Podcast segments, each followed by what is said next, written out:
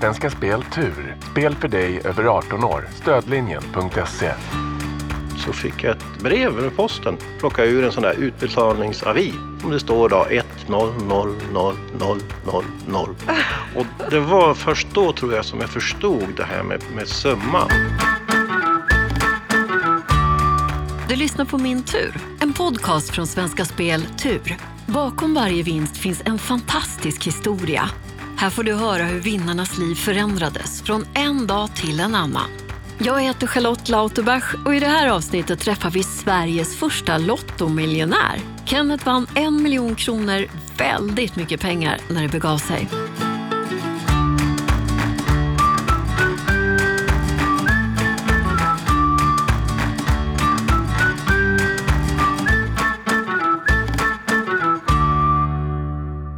Jag är faktiskt lite exalterad över att du är här idag till och med. Du är nämligen Sveriges första lottomiljonär.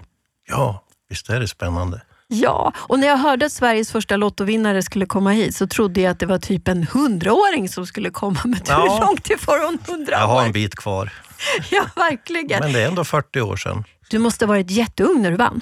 Jag var 23 år så att jag var jätteung, det verkligen. Var det vanligt att man spelade Lotto i den åldern då? Kanske inte, men jag jobbade i en livsmedelsbutik som hade då spelinlämning och det var ju mitt ansvar att sköta det, så jag var ju fullt informerad om det här med Lotto och stryktips och allt vad det var. Så det är klart att jag lämnade in några rader också. Ja, så det kom, du blev lite intresserad då Ja. när andra gjorde det. Absolut, absolut. Det var alltså 40 år sedan och du var 23 år gammal när du vann en miljon kronor. Hur var ditt liv då? Jag minns ju att jag, jag bodde i en etta och jobbade på en livsmedelsbutik och jag tror jag hade någon lön på ungefär 5 000 kronor i månaden. Och det gick väl sådär precis runt, även om då ska man jämföra med vad kronan var värd då och nu så är det väl kanske hyfsat. Men eh, det är klart, för en 23-åring att vinna en miljon, det, var- det var ju lite... Det var väldigt svårt att ta till sig det hela eftersom eh, det vart sån uppståndelse kring mig och min person. Det, det, jag var ju en jagad person helt enkelt av media och tidningar. Den ena kvällstidningen skrev vad, vad jag åt till lunch och den andra skrev vad jag åt till middag. På riktigt? Ja, då, det, det var en jakt på mig hela tiden. Det var tv och det var radio.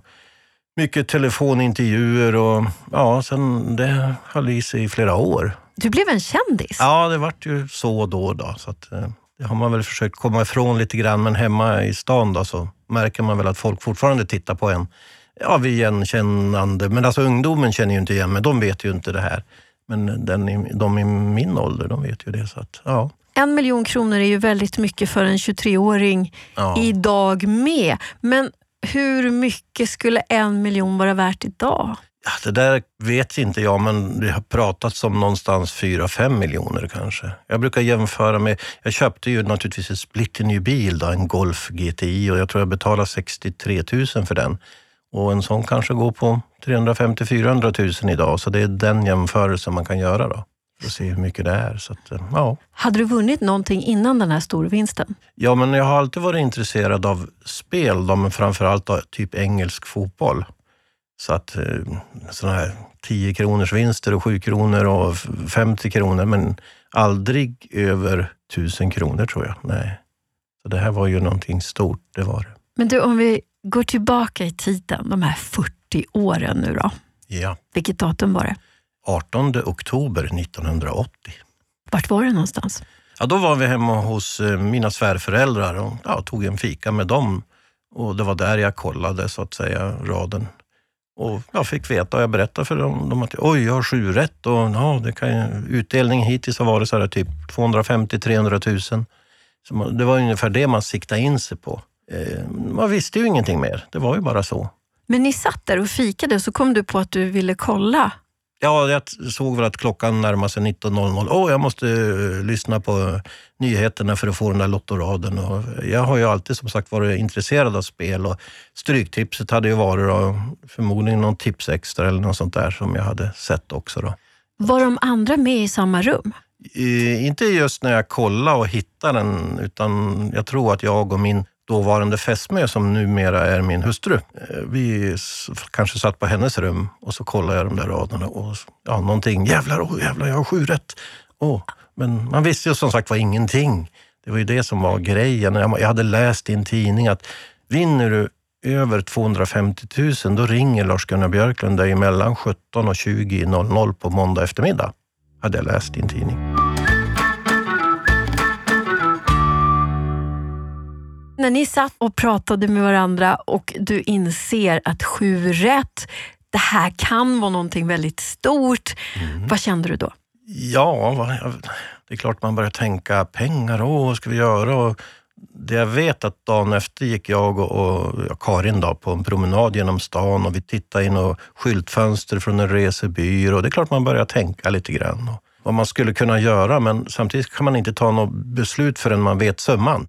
Det kunde ju bli minimal utdelning. Vi kunde ju vara 20 stycken som hade sju rätt och få 50 000 var lika väl. Men ni började drömma om en resa i alla fall? Ja, absolut. Det var bland det första vi tänkte. Vad sa du sen då till hennes föräldrar? Jag, jag talade nog bara om att jag hade sju rätt och vilka nivåer det kunde ligga på. De var ju också jätteglad. Men som sagt var, vi visste ju ingenting så vi, det gick aldrig vidare där någonting, vad ska hända? Och, utan alla ville vi vänta tills vi visste summan. I dagens samhälle så smäller det bara till så ser du ju lottoraden och du ser utdelningen direkt i, i rutan, det är dragning i rutan. Men på den tiden då var ju dragningen anonymt kan man säga i Svenska Spels källare och sen skickade de den rätta raden till radion och de läste upp den i nyhetsprogrammet med start klockan 19 på lördag kväll. Så hur lång tid tog det från det att du visste att du hade sju rätt till dess att du visste hur mycket du vann? Ungefär två dygn. Oh. För det var ju på lördag kväll då, klockan 19. Jag lyssnade på nyheterna, skrev ner raden, kollade mina rader och upptäcker det. Oj, jag har sju rätt. Men man visste ju inte någon utdelning alls, utan det, det var ju på måndagen. Ja, den vart lång. Vaknade du tidigt? Ja, för det första så var jag ledig den måndagen från eh, min, mitt jobb i butik. Då, så att den vart ju lång och seg och, och så väntan på det där telefonsamtalet. Och, sen ringde det ju inte någonting mellan 17.00 och 20.00. Och då tänkte jag, liksom, jaha, då vart det ju mindre än 250 000. Men då visste jag ju i varje fall, trodde jag.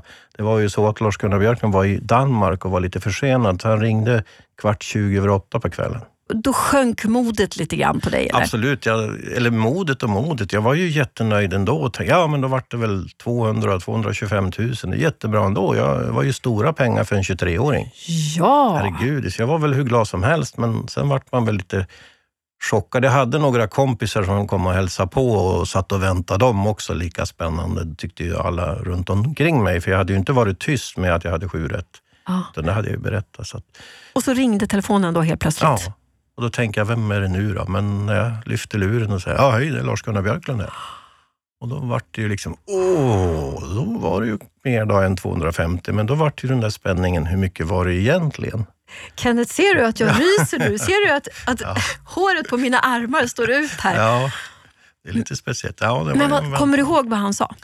Ja, det var just det. Ja, hur mycket tror du har vunnit då? Oh, jag har ingen aning, så. Ja, vill du veta då? Ja, en miljon kronor, säger han.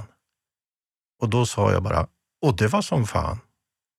Det var det enda som kom ur mig. Jag vart nog lite förstummad och tyst och sådär. Och, och då passade han på att säga så här, eh, har du någonting emot om vi släpper ut det här till media? Nej, tänkte jag. Jag tänkte ju inte ens då. Jag bara svarade, det är väl inget speciellt med det. Och sen satte det igång allt. Då. Det vart ju jubel och sånt där. Min fästmö då var på en danskurs. Så jag tog mig ut till henne på parken och då råkade det vara paus. Hon kom ut till mig och jag fick berätta för henne att vi har vunnit en miljon kronor. Ja, de kunde inte fortsätta dansa den kvällen. Nej, förstår jag. Och sen berättar man ju för sina föräldrar, svärföräldrar och sådär. Så att, ja.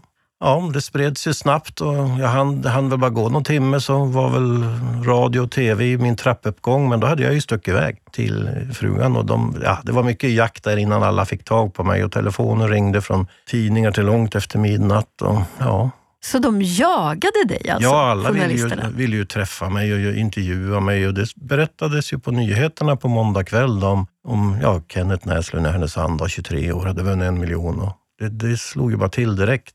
Och sen var det ju varenda dag i flera veckor så var det ju olika tidningar och fotografer och det skulle fotas. Och, ja.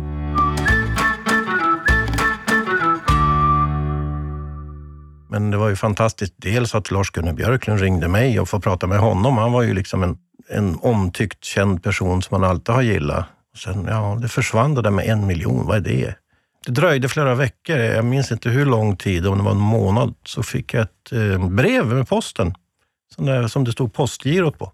Som jag sprättade upp och så ur, plockade ur en sån där utbetalningsavi. Som det står då 1000000. Och då, det var först då tror jag som jag förstod det här med, med summan. För jag varit eh, som ett asplöv då när jag stod och höll i den där. vad ska jag göra med den här då? Utbetalningsavin. Ja, det, det var speciellt. Och gå med den över torget till min bank. Och det kändes som att törs folk tittar på mig. Jag har den där avin i innerfickan. Och det, var, det tog alltså den tiden, om det var upp till en månad innan jag förstod den där summan. Och ändå så tänker jag att det var ju så mycket uppmärksamhet runt omkring dig. Att du ja. fick hjälp på ett sätt med att förstå att det här är någonting väldigt stort. Det var väl mycket det också, att det vart sån stor uppståndelse som gjorde att jag inte fick chansen att sätta mig in i det hela själv. För hela tiden var det ju liksom, det var nya intervjuer och det var radio, det var tv och, och allt vad det nu var. Och, och, jag menar, var det kaféprogram från Umeå? Kan du komma upp till oss i Umeå? Kan du vara med på kaféet ikväll? Ja, man tog ju bilen och drog upp till Umeå då. Så wow. var man med. Ja, sådana där grejer. Och det, ja. Ångrar du någonsin att du gick med på att eh, de skulle få släppa det till media? Nej, det gjorde jag inte. Utan jag har tyckt det varit fantastiskt roligt. Jag har fått vara med om grymt mycket trevliga saker och träffat mm, ja, massa kändisar och sådär. Och varit på ett och annat. Eh, om vi nu ska hoppa framåt så vart jag ju nedbjuden till Stockholm för att få ta emot den så kallade jättechecken av Svenska Spel med Lars-Gunnar Björklund och Rolle Stoltz. Och vi var ju på hockey och såg AIK-Leksand när hela AIKs eh, hejaklack står och skriker “Dela med dig Kenneth, dela med dig Kenneth”. Och, ja, men sånt där glömmer man ju inte första taget. Och Nej. Åka runt och titta på någon show med Lill Lindfors och Brasse. Och, ja, det var ett, man åkte runt med de här och bodde på Sheraton. Och, ja.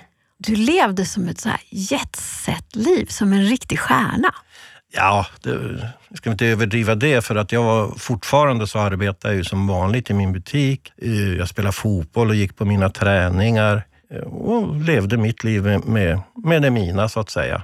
Jag fick god hjälp att hålla mig på, på mattan som det heter, att jag inte skulle sväva iväg. Det känns ändå som att du fick leva väldigt glamoröst för att vara en 23-åring och jobba i ja, kassan på en butik. Absolut, absolut. Mm.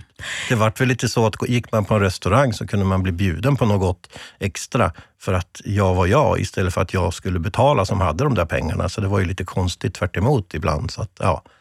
Men det kanske är så med kändisar. Jag känner mig ju inte själv som en kändis på det viset. Fast ja. det fick du vara då? Jag fick vara det ett tag och leva det livet. Ja. Jag funderar på de här reportrarna som jagade dig. Mm. Vad ställde de för frågor? men det var i stort sett samma. Alltså för varje tidning så var det ny, nya reportrar, men samma frågor. Och det är ju alltid det där, vad ska du göra med pengarna? Och hur förändrar det ditt liv och så vidare. Och det var ju samma svar hela tiden. Ja, jag ska köpa en ny bil, jag ska skaffa en större lägenhet, vi ska ut och re resa. Och det vart ju precis det vi gjorde också. då. Det är klart, det här gav ju möjligheterna. Så det har ju blivit en hel del resor, det kan jag lugnt säga. Ja, men jag tror en av de första resorna det var ju till Rhodos, då, jag och Karin. Och det var ju jättehärligt och värme och sol och allt det där. Men eh, en sån där rolig grej som eh, Karin gick på gymnasium då och så kom hon hem en dag och berättade att ja, de hade läst om Is Island och isländska folksagor. Det skulle vara roligt att fara dit någon gång. Ja, men det var ju skitkul tyckte jag, för på, om det här var på fredagen, på måndagen gick jag och beställde resor till, så vi for över och firade en påsk Eh, på Island, hon och jag. Och det kunde man ju då göra när man hade lite pengar. Och det är att förverkliga små drömmar. Verkligen. Och sen mor och far på den tiden då, då som eh, gärna har väl alltid drömt om att få åka till USA. Och då kände jag att ja, men det måste jag väl kunna fixa. Så det blev ju mor och far och jag och Karin och eh, två syskon då, Sune och Bibi som varit 16 dagar i USA med New York, Los Angeles, San Francisco och sju dagar på Hawaii. Wow. Som jag fick bjuda på. Då. Och det var ju också kul att få göra det, att få ge någonting till dem också. Hur gammal var du då? Ja, det var- dröjde väl ungefär två år efter vinsten, så jag var väl i 25 då, då när vi for på den där resan. Så att, eh, ja, det var väl en liten drömresa.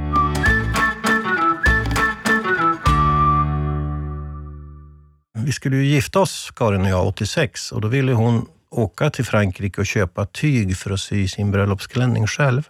Och självklart eh, ska vi göra det. Och då hade jag ju börjat som säljare, så jag sa till min chef det att ja, jag måste ha semester den där veckan, det var Kristi himmelsfärdsveckan. För vi ska till Paris och ha bröllopsvecka i förväg. Ja, det är inga problem, du får ledigt. Sen kommer han på det senare med sin högre chef att fan, vi ska ha konferens den veckan. Hur gör vi? Vi lägger konferensen i Paris, sa den högre chefen. Ja, då fick jag ju veta det då, att ja, vi åker dit allihop. Och konferensen vart väl en dag och då gick frugan Karin ut med de andra kvinnorna som var med och köpte sitt tyg. Och vi eh, var ju en jättetrevlig vecka och konferens var det inte så mycket, lite grann och sådär.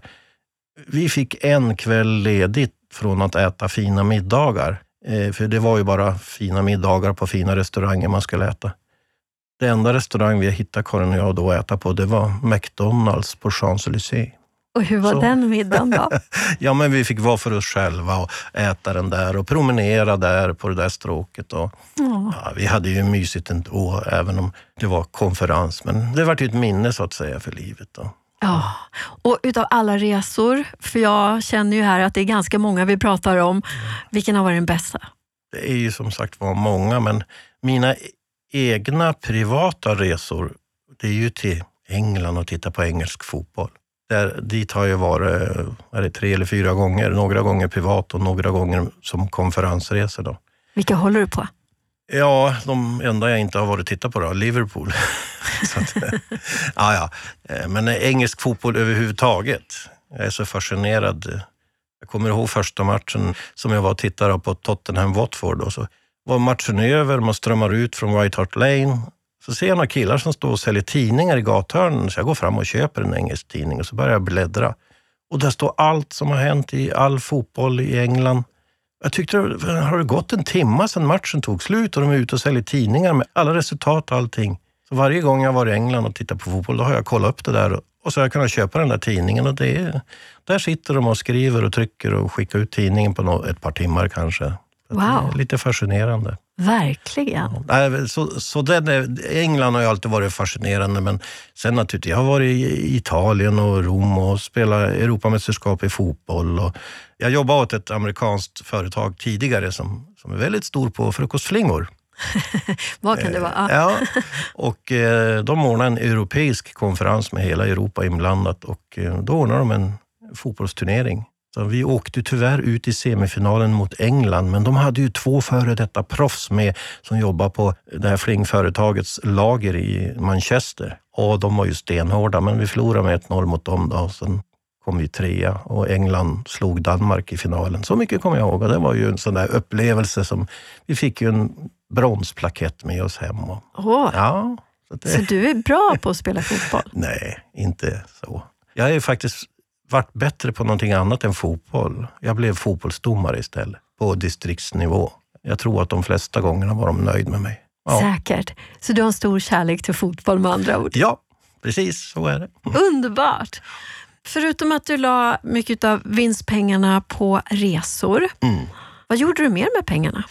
Ja, vi bodde i en etta, eller jag bodde i en etta. Vi köpte en trea istället och flyttade ihop. Eh, Jag hade ingen bil, men jag hade ju körkort, så jag köpte ju bil. Och sen har man ju bytt vidare. Man gick från eh, en hyreslägenhet till radhus, till villa och radhus igen. Ja, och sen har man ju bytt bilar innan, innan man i det nuvarande yrket jag bytte till tjänstebilar, så nu tänker man ju på ett annat sätt. Då. Du var ju väldigt, väldigt ung som jag har konstaterat när du vann en miljon kronor som var extremt mycket pengar då och väldigt mycket pengar idag med. Kände du att du la pengar på massa saker som du inte skulle gjort idag? Oj, ja det finns säkert eh, sådana saker som, som eh, har hänt, men det, sånt, det har jag förträngt. Ja. Jag ser bara det positiva i det hela. Ja, men det är bra. ja. Och vilken bra början du och din fru fick på ert gemensamma liv tillsammans också. Ja, absolut. Det, det kan man väl lugnt säga. Att, eh, det var för en 23-åring så var det en fantastisk start att få kunna ja, starta upp sitt liv och har ju utmynnat i tre barn och nu två barnbarn. Och,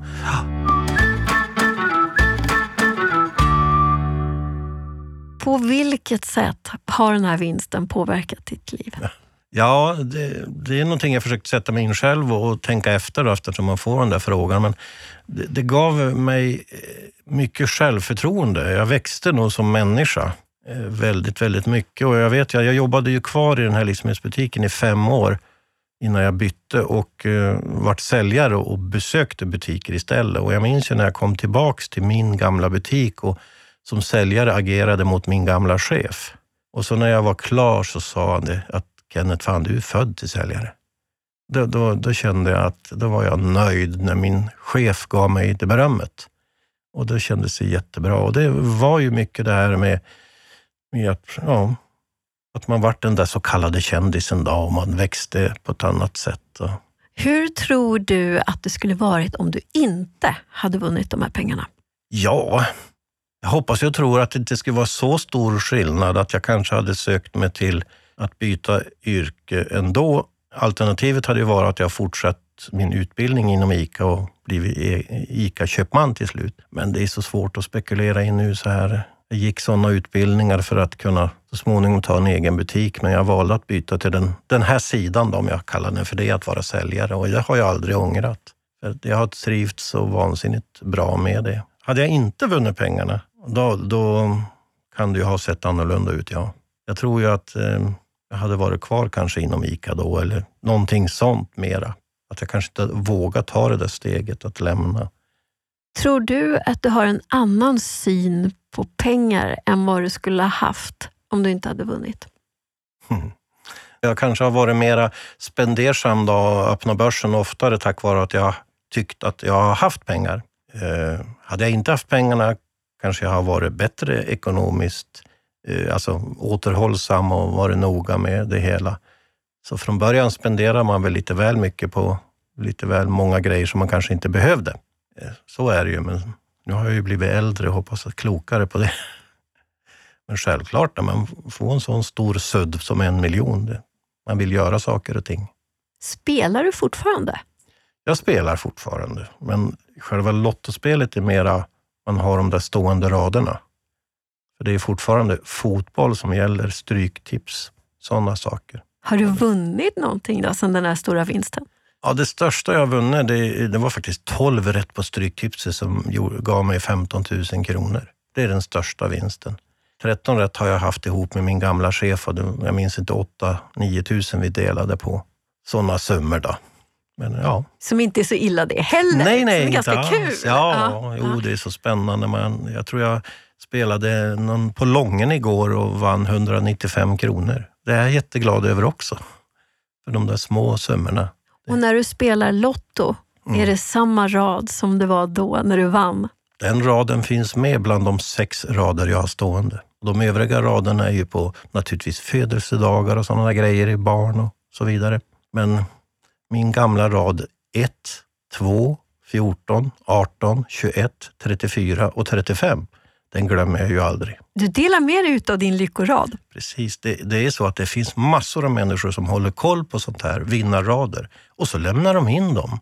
Så när, om, om den här raden skulle gå in igen så skulle det bli låg utdelning. Det blir inga miljoner utan det är så många som har de vinnarrader stående. Det, det har jag fått veta av till exempel Svenska Spel då, när jag pratar med mina gamla vänner där. Då. Nu kanske den blir ännu lägre nu när ja, precis, precis. Ja.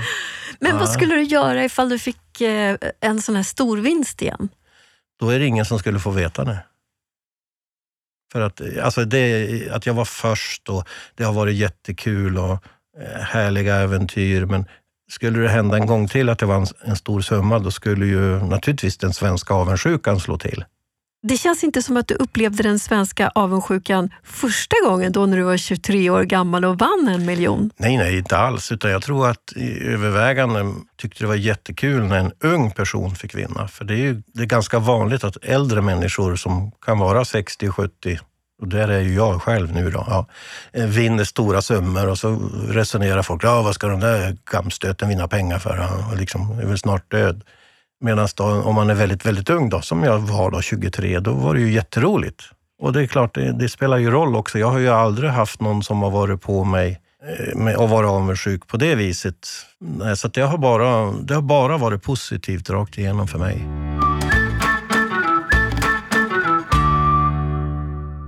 Men hur ser framtidsdrömmen ut nu då? Ja, framtidsdröm när man är 63, det är ju pension det. Den hägrar ju fast jag har ännu inte bestämt mig när det ska ske. Jag kanske väntar eller jobbar över ett par år extra. Eh, bara för att jag är pigg och fräsch och en duktig säljare. Och företaget tror jag vill ha kvar mig av någon konstig anledning. Eh, sen har jag ju en sån ung fru då, så eh, när jag är typ 67, då, har ju, då är hon 63. Och då har ju hon ett tag kvar till pensionen, så att det känns ju som att jag skulle kunna jobba vidare ett tag till. Jag har inte bestämt mig än, utan jag, jag väntar tills jag fyller 65 och sen tar vi ett år i tag efter det. Det är väl framtiden nu då för mig, så att säga. Och vad ska ni göra när ni är pensionerade då? Ja, vår, det vi gillar mest av allt är ju att fara upp till fjällen och fjällvandra, åka skidor, bara må gott, äta gott, dricka gott, umgås med nära och kära. Och har man barnbarn då så är ju det lite speciellt och vi vill ju gärna ha med både barn och barnbarn upp till fjällen emellanåt. Och, eller på sommaren vara i Höga Kusten i stugan och bada och må gott. Och, ja, det är liksom det är väl sånt som hägrar. Vi, vi har inga bestämda framtidsplaner. Fast det låter som en fantastisk framtid tycker Ja. jag. Jag blir så nyfiken. Det här med att fjällvandra. Själv så har jag faktiskt aldrig gjort det. Vart gör du det någonstans? Oj, då är det dags för dig att börja med det. Eh, ja, eh, men vi har väl eh, favorit... Vi, håller till uppåt Storhågna. Det ligger ju mellan Klövsjö och Vemdalen. Där finns det massor av saker att vandra till. Bland annat kan man sätta upp ett mål. Det finns fem vattenfall där runt omkring. Att vandra till respektive vattenfall, det är ett äventyr varje vattenfall. Eh, sen finns det ju fjäll som Sonfjället, att gå upp på det. Och, ja, det, det finns ju hur mycket som helst. Man kan ju åka vidare från Storhånga mot Funäsdalen till och allt vad det är. Men det, det är en härlig upplevelse att eh, gå ut tio på förmiddagen och ha med sig lunchen och gå iväg en och en halv mil bort och äta sin lunch, ärtsoppa och pannkaka. Eller något sånt. Och så sen tillbaks och där väntar bastun och en och annan belöning i form av någon dryck och så vidare. Ja, nej, det, det är en underbar sak. Men du, har du gjort Kebnekaise då? Nej, jag har inte gjort Kebnekaise. Jag har visserligen en bror i Gällivare och dit åker vi då och då, men då är det för att åka över till Norge och fiska. Så vi ser ju det där Abisko, Lapporten och allt det där, men vi har inte varit ute på vandringar där, utan fiska i Norge är någonting speciellt också. Vackert och mycket stora fina torskar. Hur stor är den största fisken som du har fått upp? Eh, Min största torsk vägde då 17 kilo. Det är ju liksom, man får ju kämpa lite grann i varje fall med dem. Ja, det är, det är lite speciellt att vara där och fiska. Och se eh, kattfisk och sej och eh, flundror och allt vad det är. Och I bästa tillfällena kan man ju få se både valar och späckhuggare. Det har inte vi råkat ut för, för att vi är oftast i augusti, men späckhuggarna är där i mars-april har jag för mig. Wow. Ja. Kenneth, det var så roligt att träffa dig och få höra din historia. Tack så mycket för det.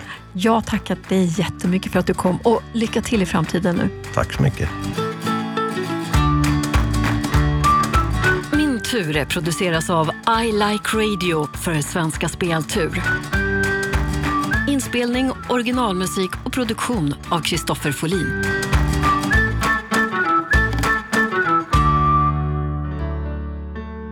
Du eller någon du känner en bra vinnarhistoria? Hör av dig till vinnare svenskaspel.se. Och du, missa inte nästa veckas avsnitt. Jag köpte ett hus senare med en kvinna. Tyckte det här är drömhuset. Men eh, hade nog hellre sparat de pengarna och struntat i det där huset. Varför då? Det finns människor som inte tror på det, men det är garanterat hemsökt. Produceras av I Like Radio. I like radio.